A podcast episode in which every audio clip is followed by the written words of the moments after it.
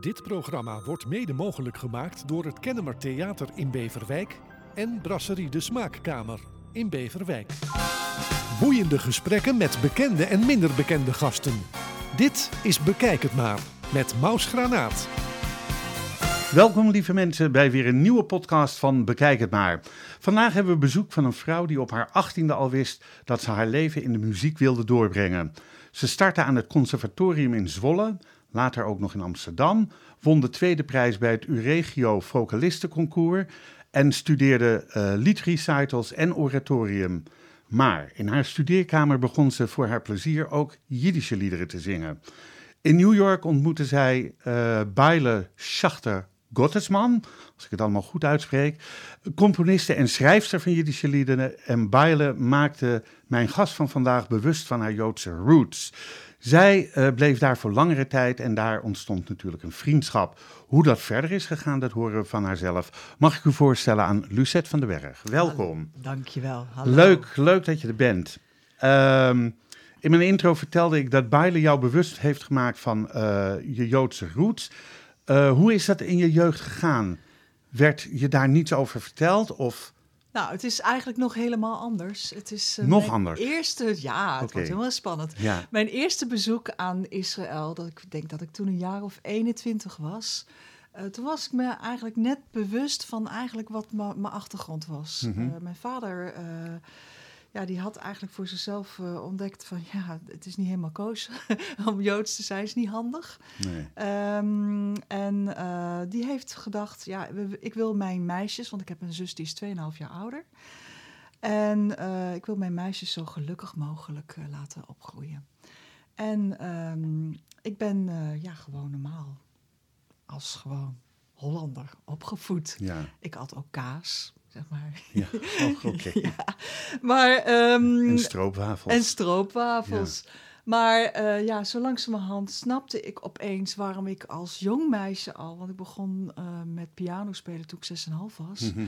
De, de Roemeense dansen van Dvorak, Bartok... allemaal die, zeg maar, die Oost-Europese klanken zo vertrouwd vond... zo fijn bij mijzelf vond passen.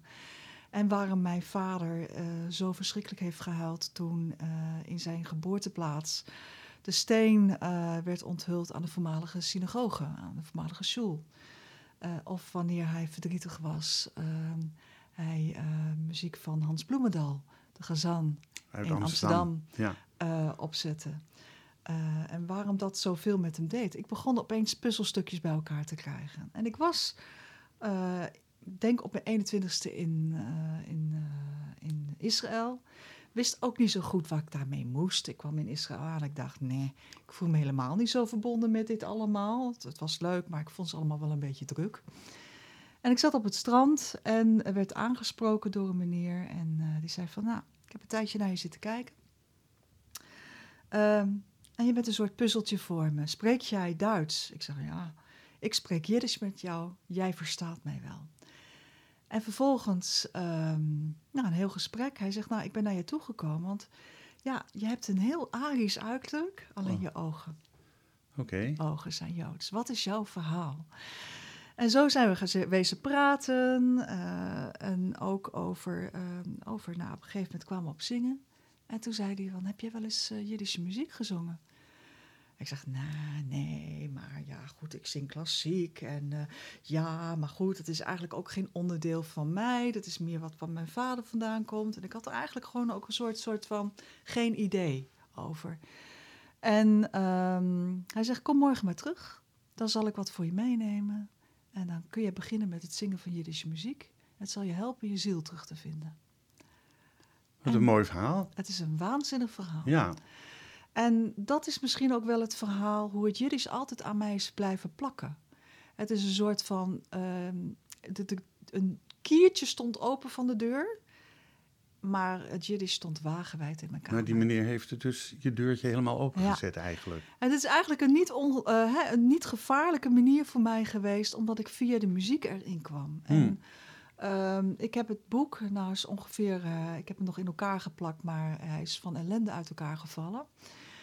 Um, uh, maar dat boek, daar uh, begon ik mee met het lied Zing Stil.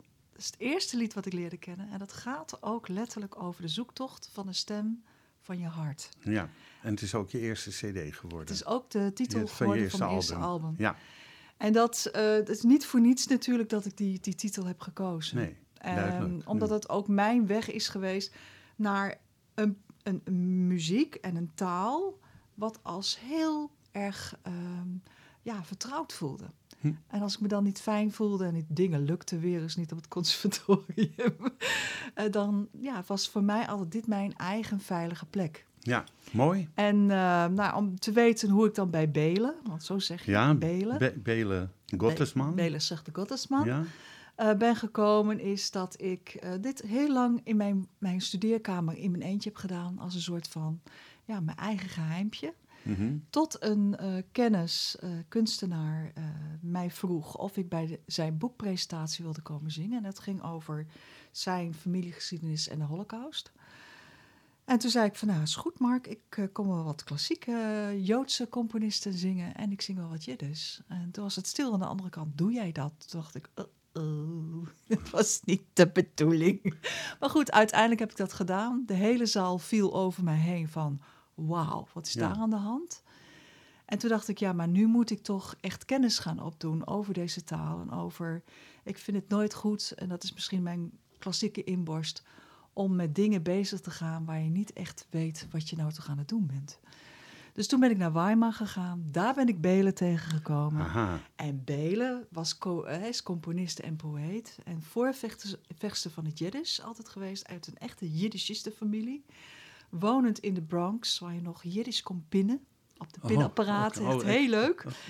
En zij heeft mij als het ware geadopteerd. Eh, Dat is een soort van, eh, ja, ik had ook nog toen nog heel erg mijn, ehm, mijn twijfels van, kan ik dit wel doen? Zal ik dit wel doen? Dit, hè, dat kan toch eigenlijk niet? Want ja, we- eh, en zij had zoiets van, Lucette, als iemand het kan doen, dan ben jij het. En Hmm. ehm, bij, daar is ook eigenlijk ook echt geboren dat ik nieuwe Jiddische muziek wil zingen. Is natuurlijk weer niet de handigste keuze, want Nee. dat kent men niet. Nee. Maar eh, deze prachtige cultuur kan alleen maar voortbestaan met nieuwe dingen. Ja, En dat is ook wat zij deed. Zij schreef echt repertoire. En zonder het oude te hoeven vergeten. zonder het oude en de klanken van het oude te hoeven vergeten. Ja, Dat is ook wel. Ik heb ook echt wel heel veel etnologisch onderzoek gedaan naar hoe bepaalde muziek klinkt. En ook als ik iets hoor, dan weet ik precies ook bijna uit welke streek het Ja. Jiddisch en het repertoire komt. Maar ik vind ook dat eh, ik ben een meisje wat is geboren en getogen in Nederland. Ehm, maar, en dus klinkt dat ook door in de muziek die ik nu zelf Hmm. componeer. Ja, ja. Ja. Eh, zijn, zijn je ouders ook muzikaal? Je zus muzikaal?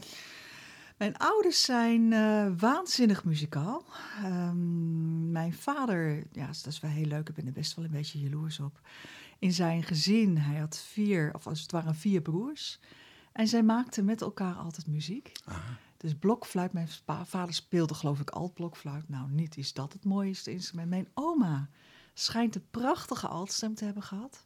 Vind het zonde nooit met haar gezongen te hebben. Ja, je hebt haar niet gekend? Ik heb haar wel gekend. Zij is eh, overleden in 1994. Aha, Het was eh 94 bijna. ja.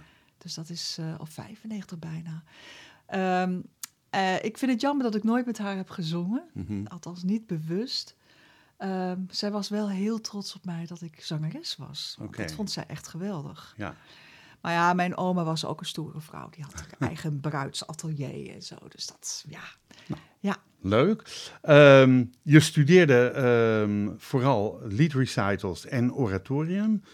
Een oratorium is natuurlijk eh, wat meer voor, voor koren gecomponeerd en, en voor solisten. Eh, maar wel vaak met een, een soort geestelijke of religieuze inslag. ja. Ehm, en en eh, ehm, recitals, ehm, bekende stukken met pianobegeleiding. Kun je een voorbeeld geven van, van waar, jij, waar jouw hart toen naar uitging? Mendelssohn. Mendelssohn, Ja. ja? Het is eigenlijk wat heel mooi is aan oratorium. Ja, het heeft natuurlijk wel een, een, een christelijke inslag vaak. maar Ja. het is eigenlijk een, een, ik zou bijna zeggen, een operastuk voor een kerk, zonder dat je erbij speelt. Het zijn vertellingen, verhalen. eh, Ik denk aan Messiah, dat is het hele verhaal van Jezus. Of ehm, de Elias van Mendelssohn, wat een prachtig stuk is. ehm, eh, waar jij gewoon een hele geschiedenis uit een, een, een Bijbelstuk eh, laat horen. Ja. En ehm, daar, eh, of als je kijkt naar bijvoorbeeld mijn favoriet, de Hohe Messen van Bach. Waar je dan, zeg maar, Bach die daar een, een heel stuk heeft geschreven om te laten zien dat hij was Lutheraan, dat de Lutherse kerk eigenlijk nog steeds bij de moederkerk hoorde. Dus Mhm. heel veel stukken waren, het was helemaal in het Latijn, een aantal stukken in het Gregoriaans, wat onder in de baslijnen ligt. Heel bijzonder, eigenlijk de muziek is heel mooi. Ja. En eh, wat feestelijk is, aan de andere kant ook heel verschrikkelijk is. Aan de ene kant, je werkt met een, eh, een orkest en een koor. En wat ik heel jammer vind en vond, wat ik altijd heel erg miste, is dat je samen eh, gewoon gaandeweg iets moois maakte. Dus wat jij, hè, dat is de armoede helaas die we hebben. Als solist word je op het laatste moment ingezet. Het koor heeft al een, een, een, een aantal maanden of een jaar Voor geoefend. vette voorsprong. Ja, Ja. nou ja, goed. De, dat zijn amateurs heel vaak hier in. Nederland. We zijn een korenland in Nederland. Eh, het orkest, ja, dat is ook eigenlijk 's smiddags ingevlogen. Jij doet even een kort repetitietje met het orkest om de tempi af te, af te spreken. En s'avonds zie je het koor pas. Mhm. En wat ik nou een van de mooiste dingen vind aan muziek maken, is dat je Samen, iets moois Ja, maakt en ja. samen iets creëert. Ja. En je hebt van die momenten dat je echt wel het gevoel hebt gehad ehm, dat je, ondanks het feit dat je elkaar nog niet kende, ja, het koor en het woord, dat je heel, in heel korte tijd samen die energie krijgt. En dat is Hm. wel mooi. Maar ja, goed, wat jij smiddags bij een generale afspreekt met de dirigent en het orkest, is vaak heel anders dan wat je s'avonds doet. Dus ik vond het leuk. Ehm, wat vooral heel prettig was voor mij als zangeres, is je had je boekje bij, je deed je jurk onder je arm en daar kwam je. En je had niet allerlei apparatuur mee te Ja, dat, dat is dat is een heel makkelijk voordeel. binnenkomen. Ja. Ja, wat ik echter wel veel leuker vond, was de recitals, liedrecitals. Ja. En daarin zie je dus eigenlijk ook al wat ik met Jiddische muziek doe.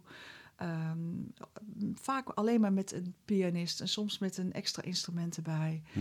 Eh, liederen, kleine miniatuurtjes zingen. En eh, ja, dat is ook wel een beetje mijn voorliefde voor het vertellen van verhalen. Wat, vond, wat vonden je ouders dat jij eh, die, die, de kant van de Jiddische muziek op wilde? Hebben ze dat gestimuleerd of zeiden Nee. ze, meid, waar begin je nou aan? Ja, Ja. dat laatste. Ja, Mijn vader vond het verschrikkelijk.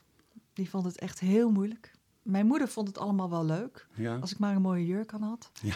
Ehm, eh, dat vertelt ook iets over de manier van muziekbeleving van mijn ouders beiden. Hè. Mijn vader is de type van Mendelssohn, Broeg. ehm, diep, diep romantische, moeilijke, zwaar... En Bach. Ehm, en, en, en diep romantische, dus een beetje melancholieke muziek. ja. Mijn moeder houdt van de trompetjes. Dus dat is weer een hele andere kant. Zullen we gewoon wat laten horen? Zullen we een Jiddisch liedje Ach, doen? Ja, waarom ook niet? Ja? Ja. En welk liedje had je in gedachten? Nou, een lied wat ik eh, zelf heb gecomponeerd vlak voor coronaperiode. Het heet Täubenstille, Duivenstil. eh, op gedicht van Mani Leep. Oké, we willen gaan luisteren.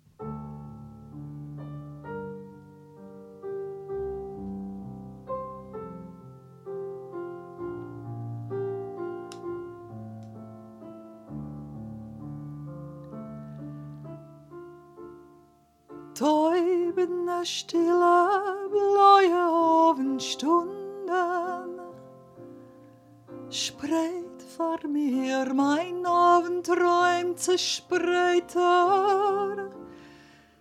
Itster, itster brennen Reuter, Reuter, meine stille Reusen, mein Wunden. Itster, itster in Gassen der Kapilder tritt und wird der Ilchne stiller. Weicher, Eugen, Bänken, dick noch Eugen, gucken bleicher. Hand in Hand, gedrückter Redes, etwas milder. Itzer wird mein Bänkschaftreut gezunden. Heißer wird mein Blut, mein Blick wird greiter. Itzer, itzer brennen Reuter, Reuter, meine stille Reusen, mein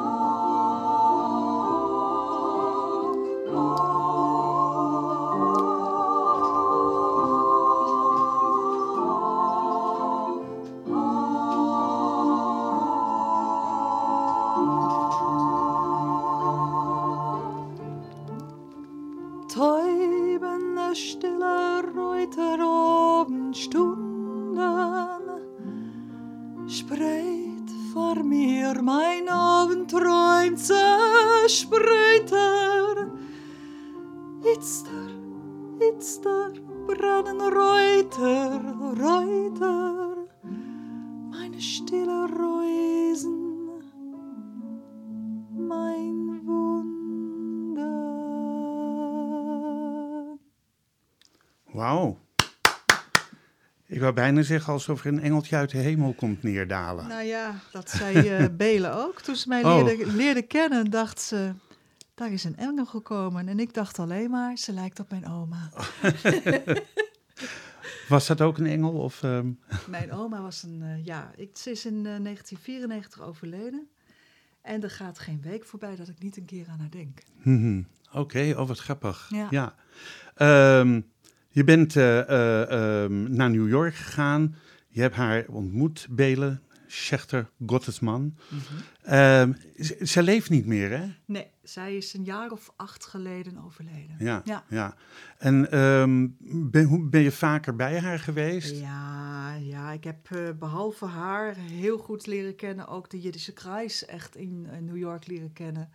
Maar ik heb ook New York leren kennen op een eh, bijzondere manier. Ja, Ik denk dat het, het leukste, misschien is dat wel het leukste van het mu- muzikantenvak, is dat eh, als jij reist en je komt mensen tegen eh, in andere steden, andere plekken, dat je samen muziek maakt. En je Ja. leert dan op een hele andere manier ook een, een land en een stad kennen. zeker, ja. Dat is echt wel mijn geluk. En heb je nog mensen overgehouden uit de tijd dat je Belen hebt Heel leren veel. kennen? Heel, Heel veel. veel. Waar je nog steeds contact mee hebt. En, Ja, weet je, de, wat ik al zei, Belen komt echt uit een Jiddishiste-familie. Haar eh, broer, Motge Schechter, was een professor Jiddisch. Dat kun je ook worden.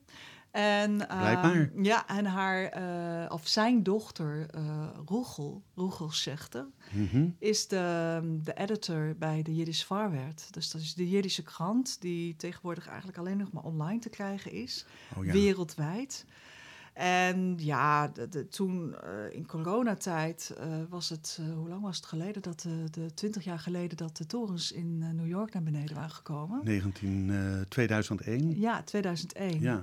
En eh Belen heeft de dag of twee dagen daarna heeft ze een ballade geschreven, echt in Jiddische traditie, op 11 september in het Jiddisch. Mhm. En die had nog nooit iemand opgenomen. En Roegel die belde mij, ik weet nog wel, ik was ook op vakantie in Corsica. En opeens Roegel aan de telefoon. Ja, of ik, eh, of ik dat zou willen doen voor de Jiddisch Vaarwereld. Een, eh, dat liedje, ballade van hem 11 september, wilde Ja. opnemen. En dat heb ik dus gedaan. En mijn zoon Lucas heeft toen een prachtige video van mij en mijn eh, gitarist gemaakt. En dat, eh, ja, dus dat is een van de voorbeelden van de Schechter-familie van Ja. iedereen.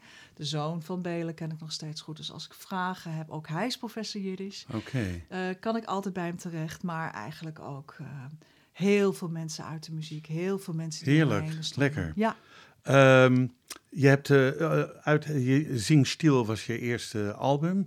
Eh, uiteindelijk bracht je ook het album Vrieling uit. mhm. Eh, 2008, als ik me niet eh, Ja. vergis. 2007 geloof ik, 2008? Ja, Ja. 2008 geloof ik. 2008, oké. Laten we daarop houden. Goed, eh, maar hiervoor ontving je ook de derde prijs, JPF. Waar, wat is dat? Ja, dat is een, eh, een prijs voor. ehm ehm, nee, Een Song Award ja, is het is het. een Song Award voor, voor, voor zeg maar, een Amerikaanse Song Award voor, eh, voor verschillende culturen, zeg maar. Dus het is een soort van volkscultuurachtige Song Award. Oké. En ik kreeg daar die prijs voor mijn arrangementen die ik heb gemaakt. Hoe trots was je toen? Nou, dat viel best mee. Dat viel best mee. Ja. Ja, maar ja, goed, het is toch leuk als je voor het werk wat je gedaan eh, hebt op die manier beloond wordt. Ja, ja. Ehm, heb je ooit aan, aan Bela ook jouw composities kunnen laten horen? Of een deel daarvan in ieder Nou, ik geval? zou je zeggen, Maus, het is wel heel bijzonder. Belen die had mij dus in 2004 voor het eerst over de vloer gekregen. Voordat mijn album, eh, of nee, nadat mijn album Zing Stil, nee, dat is 2000, 2004, ja. Ik had hem net opgenomen. En ehm, toen heeft ze mij voor het eerst over de vloer gehad. En eigenlijk had ze toen al besloten, toen ze de opname van haar liedjes, want er staan vijf liedjes van haar op, op dat album. Ja? En ehm, toen ze dat hoorde, toen zei ze tegen haar zoon... er is nog een aantal liedjes van mij... en het zijn ook echt de laatste liedjes die ze heeft geschreven... die krijgt Lucette. En niemand anders mag het zingen. En eh, Ook een compliment voor jou. dat is waanzinnig. ja, ja. Ik, ik sprak toen nog geen Jiddisch. Ik spreek Nee. het nu vloeiend en Ja. geen idee. Ik, was, ik kwam net kieken. Dus Kwam net kieken. kwam Is net dat ook. Jiddisch? Kieken? Nee, Oh. kieken, kieken is campus. Oh, campus. Maar ehm, die, eh, dus ik was in 2005 bij haar en toen heeft ze mij al ehm, eitjes bakkend, wandelend, allerlei dingen doen. En zoals dat dan gaat, begon ze te zingen. En zo leer je dus het repertoire, echt op de Mhm. volksmuziekmanier. ja. Ben ik mee aan het arrangeren geweest. En toen mijn eh, eh, album uitkwam, heb ik ook gezegd: dan wil ik heel graag ook in New York dat dit gepresenteerd wordt. Toen ben ik dus samen met de gitarist met wie ik toen samenwerkte, Reinhard Vrijhoef, zijn we naar New York gegaan en zijn we naar het uh, Solomon Legend Center geweest, waar het grote Jiddisch centrum het was schuin tegenover haar huis, was ook aan diezelfde Bainbridge Avenue, waar allemaal Jiddishisten wonen. Hm. Eh, en ook erg leuk, want heel veel liedjes daar gaan echt over die om- omgeving. A valse krans, dat gaat over een een of ander beeld wat staat bij een huis. Dat vinden zij een oud huis, 120 jaar oud. ja. En dat gaat over gevallen soldaten waar een plastic krans bij staat. En haar aanklacht tegen hoe wij omgaan met eh, mensenlevens en oorlogshelden. Eh, maar ook de, de sirenes van het ehm, Montefiore Hospital, wat daar nou, iets verderop lag, hoor je ook eh, verhalen over de buurman, de Chinese buurman die vermoord werd en allemaal dat soort dingen. Dus het moest ook wel daar aan Bainbridge Avenue gezongen worden. Het was ook de confrontatie van deze liedjes met heel veel mensen uit de Jiddische wereld.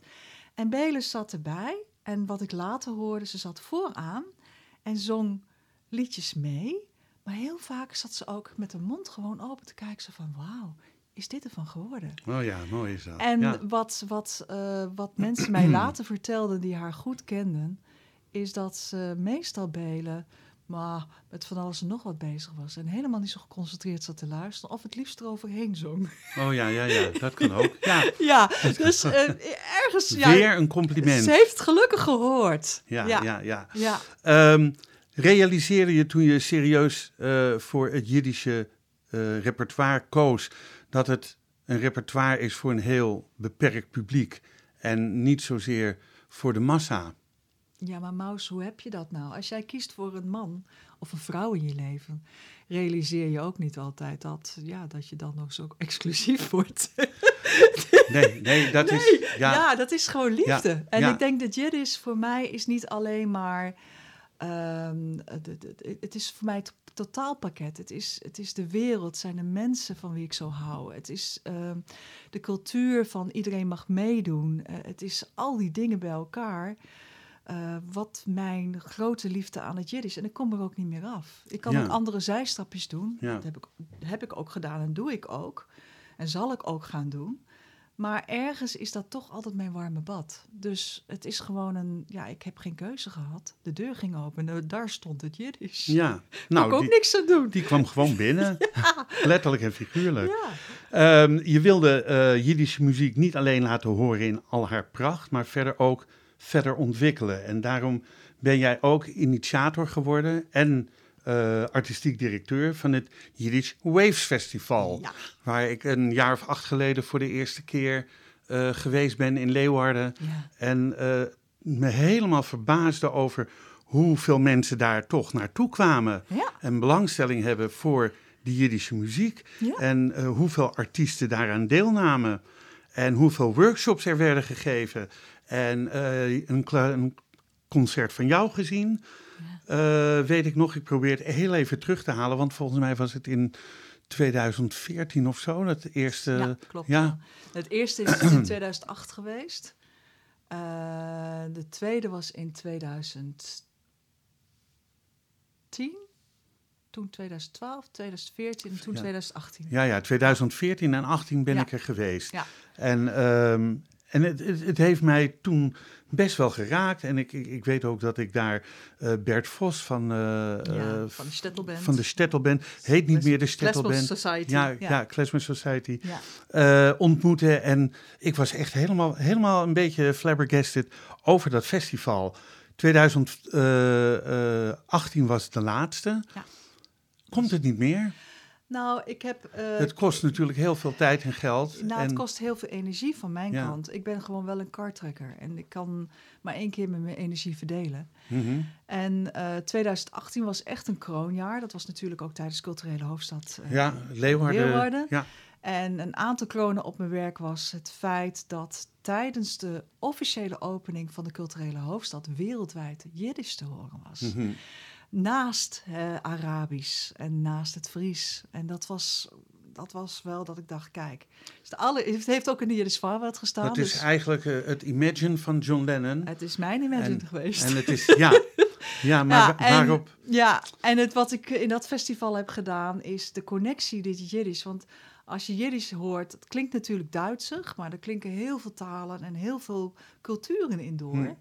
En wat ik heb gedaan in 2018 is eh, de combinatie te maken met heel veel verschillende culturen. Dus ja, het openingsconcert was met eh, mij en een aantal van mijn eh, Arabische vrienden. Dus Marokkaanse muzici, Ja. Syrische muzici. ik, ik zeg, ik noem Imagine omdat eh, niet John Lennon, maar eh Khaled, een eh, Argentijnse zanger, en Noah, een Israëlische zangeres, samen dat lied met die, die Arabische klanken erin op een hele mooie manier gearrangeerd.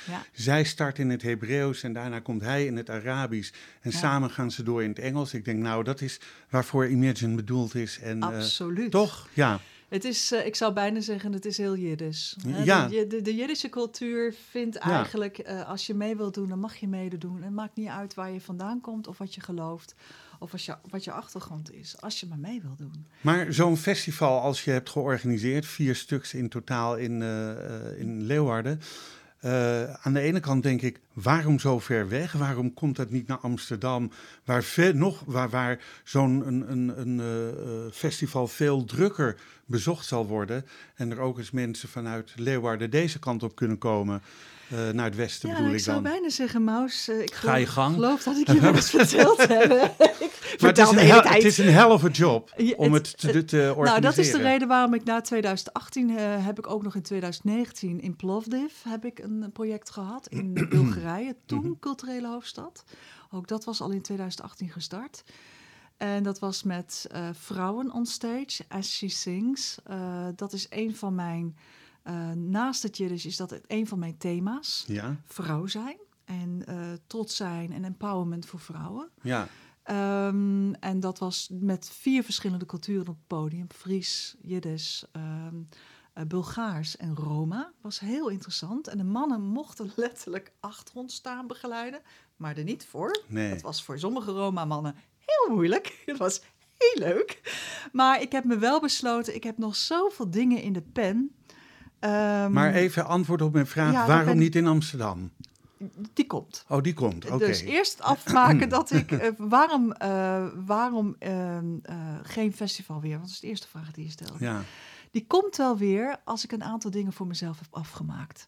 Dus ik heb nog een aantal composities liggen die nog eh, eruit moeten. Ik heb nog eh, verschillende dingen waarvan ik denk, ja, ik wil nog heel graag op het podium staan. ja, maar het zou zo mooi zijn, Lucette. Ja, Als- sorry dat ik jou onderbreek Ja. hoor.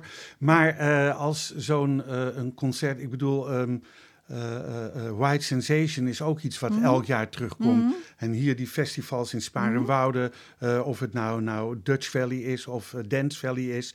Maar ik bedoel, het komt elk jaar weer terug. En ik denk, dan is het ook iets waar mensen rekening mee kunnen Klopt. gaan houden. Klopt. En waardoor het gewoon meer bekendheid Klopt. krijgt. Het was tweejaarlijks altijd en ehm, dat wilde ik ook graag. Maar het betekent dus wel dat als ik dat wil doen, dat ik gewoon niet meer op een podium kan staan. Want het slokt zo enorm veel Ja. energie op. Ja, Want het is behalve dan die paar dagen dat iedereen daar fijn, blij en eh, gezellig is, is het het organiseren van, van eh, subsidie.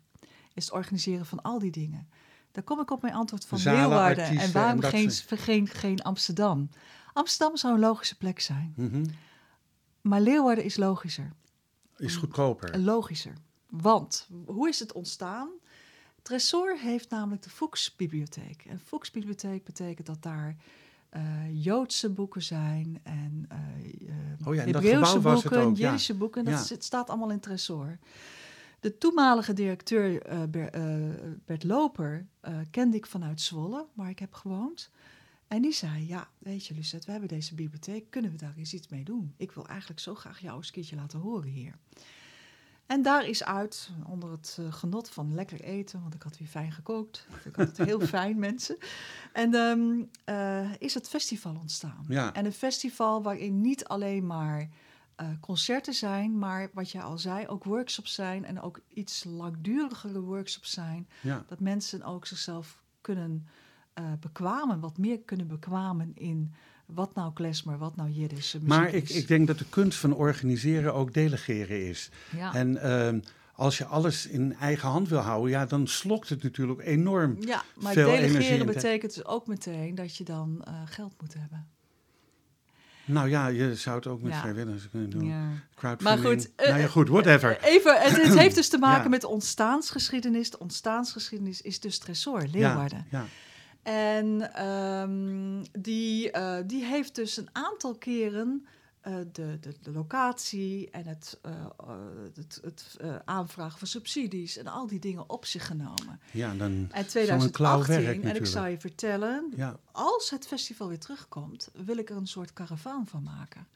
Dat start in Leeuwarden, dat ook Amsterdam langs gaat, maar ook langs een aantal andere steden. Zodat we op verschillende manieren elkaar kunnen gaan ontmoeten. Dat is eigenlijk wat ik wil maken, een ontmoetingsfestival.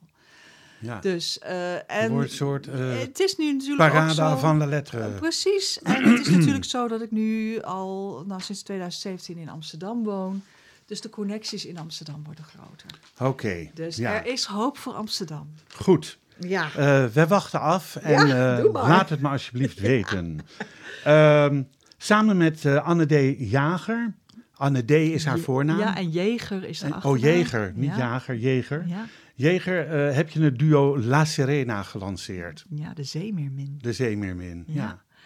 Dat is een andere tak van sport van, eh, van de Joodse talen. Er zijn zo'n twintig Joodse talen. Ehm, dus niet alleen maar het Ivriet of het oude Bijbelse Hebreeuws, eh, maar ook het Jiddisch en het Ladino, zoals dan de verzamelnaam hoort. Ook heel veel liedjes in het Ladino hoor. Prachtige, prachtig repertoire, De, de, heel de, anders. De Barry Sisters die, die zongen heel veel Ladino. ja, en ook Ja. heel veel Jiddisch. ja, ja. En ehm, het, eh, het, het grappige is, toen ik startte met het zingen van Jiddische muziek, toen ehm, zei men heel vaak tegen mij, ja, het klinkt bijna, klinkt bijna eh, Portugees, fado-achtig. Ehm, Oh, ja. Het klinkt, ja, waar heb je wel eens Ladino gezongen? En dat ik dacht, ja, maar die taal snap ik niet zo snel. Dat is meer naar Spaans toe, hè? Het is Spaans. Ja. Dus de, eigenlijk wat het Jiddisch heeft, heeft de Duitse ondergrond, heeft het Ladino de Spaans-Portugese ondergrond. En het is ook de taal van de Joden die in 1491 zijn gevlucht voor de Inquisitie. Goed. En die zijn dan het Ottomaanse Rijk ingevlucht. Alleen ja, in coronatijd, gek hè, had ik een beetje tijd. Ja, veel mensen met jou. Heel bijzonder. en Ja. dus ehm, toen heb ik eigenlijk, ja, ik ben onderzoek gaan doen, want ik was wel nieuwsgierig. Ik was dus begonnen met een van de be- bekendste liedjes, Morenica. En eh, waanzinnig mooi liedje. Ehm, en ik dacht, ja, ja, ja, het is toch eigenlijk wel mooi. Laat ik Ja. eens gewoon voor mijn eigen lol een paar liedjes in mijn eigen studiootje gewoon zelf begeleid opnemen. En ik heb een arrangementje gemaakt of eh Morena la, la Jaman. En daar heb ik driestemmig zelf ingezongen met een trommeltje. En Morenica heb ik ingezongen. En toen dacht ik, potverdikke me, ze hebben wel gelijk. Past Mm. wel goed bij mijn stem. Ja. En daarnaast was het mijn manier om mijn stem weer aan het werk te krijgen. Want het vraagt langere frases, het vraagt meer van mijn adem. En ik had in maart 2020 een corona eh, ja, eh, aanval, hoe noem je zoiets? Nou ja, Ik had corona gehad. Ja, het coronavirus was in je geslopen. Ja, nou, en dat Ja. was die heftige. Ja? Eh, het was zo erg dat ik gewoon echt eh, geen adem meer krijg. Oeh. En dankzij het zingen was mijn longfunctie aardig. Eh, maar het heeft negen tot tien maanden geduurd voordat ik weer kon zingen. Hm. En eh, daar, toen heb ik ook klassieke muziek weer opgepakt. Eh, en ben gaan zingen bijvoorbeeld in een vrouwenkoor. Was ook heel leuk. Het thema vrouw komt toch wel Ja, weer. ja. En ik ben eh Sephardische muziek gaan zingen. En omdat deze muziek echt heeft overleefd, dankzij vrouwen die de muziek hebben meegenomen op reis naar de landen rondom de Middellandse Zee, had ik zoiets van ja, maar ik wil daarbij een, eh, met een vrouw werken. En zo is Anne de Jeger om de hoek komen zeilen. ja. En eh, ik had al wel eens contact met haar gehad. En eh Sephardische muziek is ook klassieker dan Jiddische muziek. Het vraagt veel meer van je dunne stembandjes. Ja, het is een technisch verhaal, maar het, Ja, je moet niet te dus technisch, al die kleine, ja, Ja, best wel. Al die kleine, ja, je versieringen hebt. Denk maar aan Arabische muziek. Die heeft ook allemaal van die kleine Van die versieringen. coloratuurtjes. Coloratuurtjes, heel technisch van jouw Maus. Ja, ja, ja. Ehm, en dat doe je met je dunne stembandjes. Ja. Ehm, en eh, dus eh, wat wij hebben gedaan is eigenlijk maar eens begonnen met wat repertoire uitzoeken. En eh, arrangementen maken. Anne D. is echt een klassieke gitariste, dus die heeft alle nootjes uitgeschreven eh, van het arrangementen. En uiteindelijk had ik voor mezelf zoiets van, ja, maar ik vind het eigenlijk heel leuk om de reis die ik zelf achter de computer heb gemaakt, heb heel veel etnologisch onderzoek ook weer gedaan, kwam tot de conclusie, het heeft toch weer heel veel te maken met Jiddische muziek, had je het weer. ja. Maar ehm, ik vond het eigenlijk leuk om in plaats van dat ik vertelde waar de liedjes over gingen, er een verhaal omheen te schrijven. En dat is een eh, hedendaags sprookje geworden. Nou, Ja, over het hedendaagse sprookje gesproken, is het niet leuk om dan, eh, want dat is in het Nederlandstalig. nee, eh, dat ge- is Oh, Ladino. Het Oh. sprookje is Nederlandstalig. Ja, dus dat, dat- ik dat vertel het verhaal. ja. En we zitten als het ware in de boot en ik vertel een verhaal over iemand die op reis ging en een verhaal hoorde over een mevrouw op een toren. En wie is dat nou toch? En uiteindelijk aan het einde van het verhaal kom je erachter waarom ze daar zit En wie en het wat is. haar naam is. Ja, Ja. oké. Maar we gaan nu een Nederlandstalig liedje Ja, horen. dat is weer iets anders. Ja, dat is weer iets anders. Ja. Ehm, nou, ik ben heel benieuwd. Nou, Nederlands dus. Maar hoe heet het nummer? Ja, het is een verwarrende titel. Eh, het heet Verwar mijn woorden niet. Geschreven door Bas Smallebroek, tekstschrijver, en Peter Schön, componist. Nou, ben benieuwd.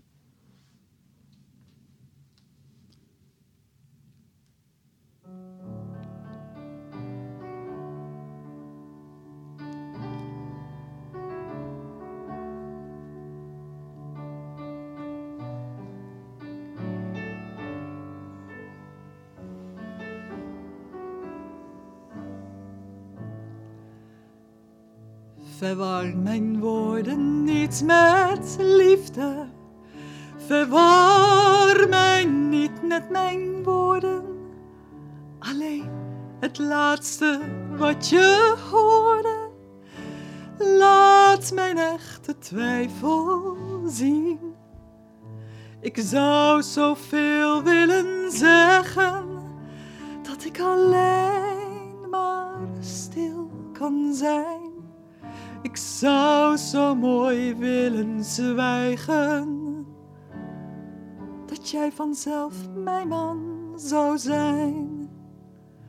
Verwar mijn woorden niet met liefde, verwar mij niet met mijn woorden. Alleen het laatste wat je hoorde, laat mijn echte twijfel zien. Ik zou alles kunnen vragen, maar ik wil niet gretig zijn. Ik zou alles kunnen raden, maar liever word ik zo door jou verrast. Verwar mijn woorden niet met liefde. Verwar mij niet met mijn woorden. Alleen het laatste wat je hoorde. Laat echte twijfel zien. Ik zou kunnen reageren, je lippen zijn dichtbij genoeg. Ik zou kunnen protesteren, mijn lichaam slaat katachtig toe. Mijn woorden niet met liefde. Verwar mij niet met mijn woorden. Alleen het laatste wat je hoorde. Laat mijn echte twijfel zien.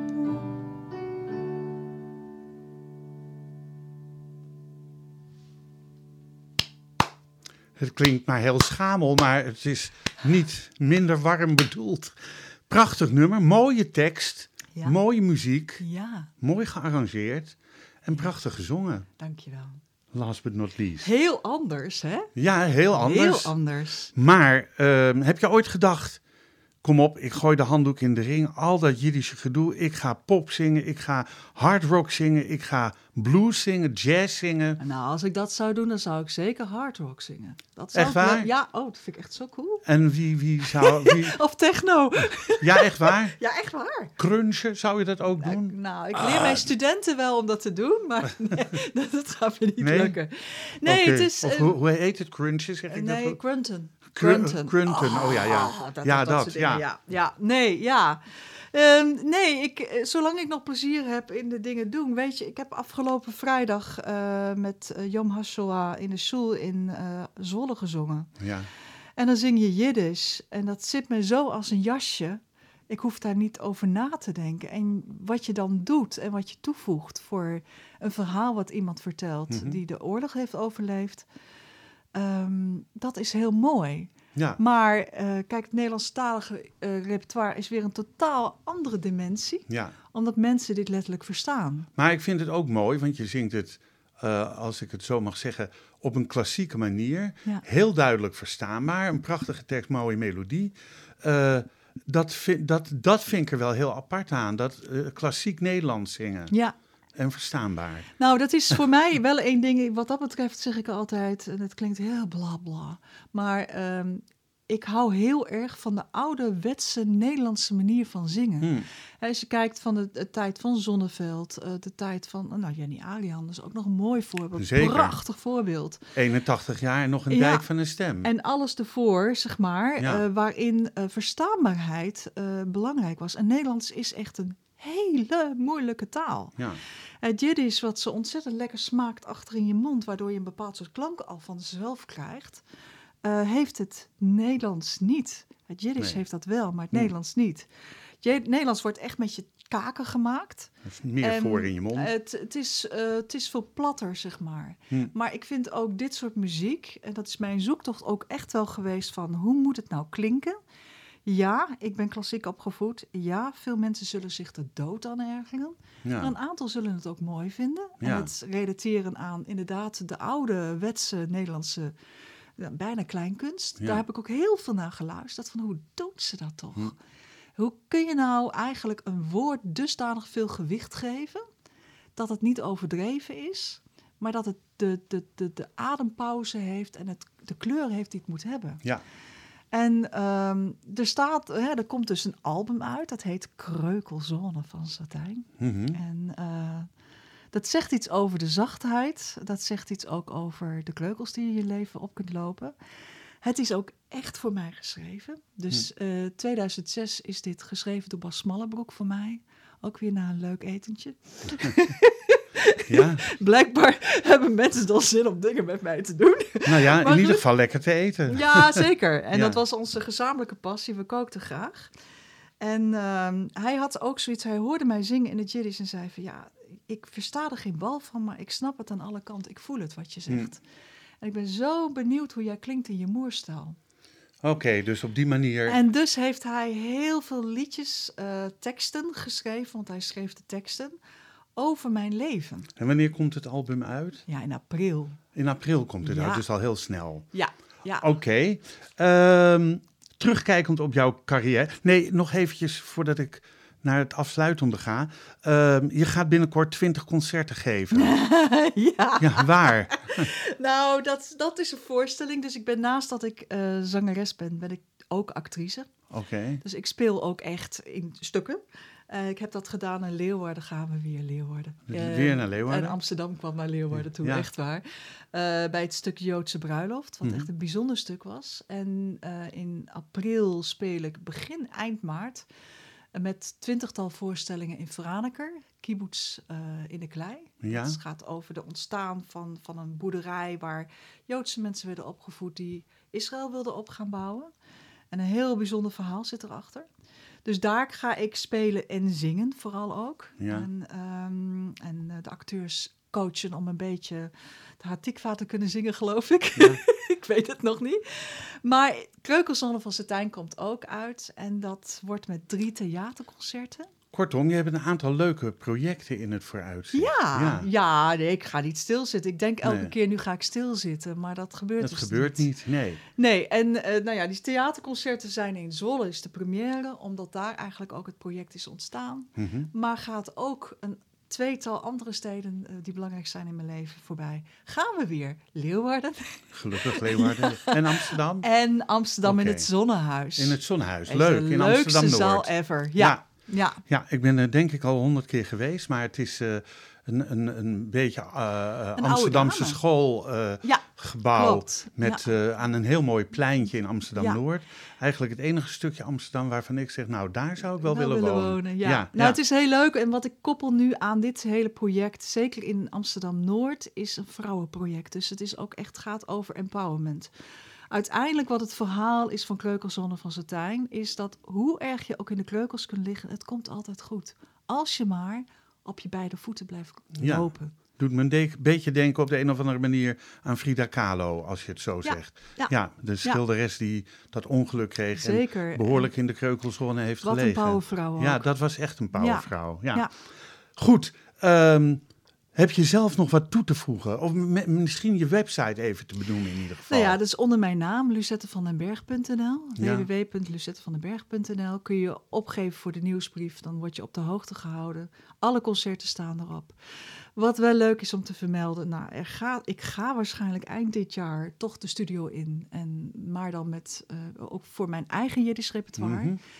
Dan met jonge muzikanten, want ik wil ook eh, jonge muzikanten helpen zichzelf eh, te vinden in Ja. welke soort muziek dan ook. En volgend jaar, daar verheug ik me ook erg op, eh, ga ik werken met het Nederlands Bachconsort. Die altijd in november de mm, concerten heeft rondom alle zielen. En ik ben nu bezig met een aantal stukken aan het schrijven voor ze, koorstukken. Mhm. Eh, vanuit mijn Joodse kijken op, op hoe rouwverwerking kan gaan en eh, welke teksten erbij horen. Mooi. En een van de teksten die ik zoek, eh, of waar ik me- mee bezig ben nu, is Psalm 23. De Heer is mijn herder, wat ook de tekst van mijn oma was. Oké, Dus ehm, dat lijkt mij, en- maar dan in het Hebreeuws. uiteraard. En ik ga ook zelf zingen en ik ga een aantal hele rare dingen doen daar. Nou, ben dus eh, ja, het- ik, ik dacht ik stop, maar ik stop niet. Nee, nee, nee, nee. Ehm, Nee. Nog één ding. Je zegt net, eh, ik acteer, ik zing. Ja. Als Albert Verlinde je morgen belt en vraagt of je de hoofdrol wil spelen in AIDA, ik noem maar wat. Als, ehm, zeg je dan ja of zeg je nee? Dan zeg ik eerst waarom dan. Nou ja, Er goed. zijn veel betere musicalzangeressen dan ik. Nou ja, ik vind dat wat je net, net zong, Ja, het, eh, het, het liedje uit de kreukel, was ik van de Kreuk- kreukelzone, Ehm, dat ik dacht van, nou, dat, dat, dat zou een heel mooie ballad in een musical kunnen ja zijn. klopt. En dat ik denk van, nou, zouden ze, zou je dat dan ook nog willen? Eh, eventueel als dat zich voor zou doen. Nou, het liefst dan Andrew Lloyd Webber. Want dat vind ik echt geweldig. Daar zit ook altijd een klein beetje... Klassieke een knipoog. Ja, een klassieke knipoog, maar Ja. ook een religieuze knipoog. Ja. Het is altijd aan het eind van de tunnel of Ja. een kat die naar de hemel gaat in Cats. Ja, of, eh. Nou, eh, ik vind de muziek van Andrew Lloyd... Ik, ik zou je zeggen, Maus, mijn allereerste stuk wat ik heb gezongen in het openbaar... was het Pier Jezu uit het Requiem van, Van- Andrew Lloyd Webber. Oké. Toen was ik 15. Jezus. Ja, Die. ja, precies. Ik zoek toen nog Pia. Oh, Pia. Maar dat heeft te maken met techniek.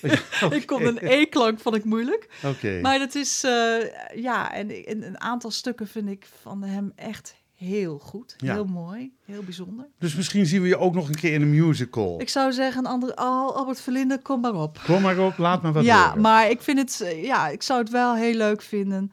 En de drie concerten die komen met Keukelzone, dat is hopelijk een start voor iets. Eh, De, de, de muziek, en dat hoor je nu niet bij dit stuk, want het is toevallig alleen met piano. Mhm, Maar ik zing ze dus met een zeskoppige band achter mij, met z'n zeven op het podium. Mooi. Met heel veel koortjes. En er zitten waanzinnig veel knipogen naar kleinkunst, popmuziek. Een bluff, soort bluffliedje komt erin voor. Maar ook kajakachtige sounds.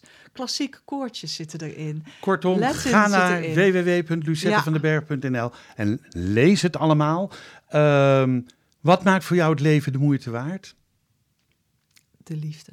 De liefde. Ja. Mag ik jou bedanken voor je komst hier naartoe en je heel veel mazzel en brogen, om het dan maar toch een beetje in Jiddisch te houden, dank. eh, te wensen voor alles wat je gaat doen in de toekomst. Al of geen musical, al of geen Nederlands, gekke dingen doen tijdens het Bachfestival, whatever. Eh dankjewel en wat mij betreft heel graag tot een andere keer. Deze podcast wordt uitgegeven door de Vrijstaat Roots. Alles is na te lezen op www.bekijkhetmaar.com. Dank voor het luisteren en wat mij betreft graag tot de volgende podcast.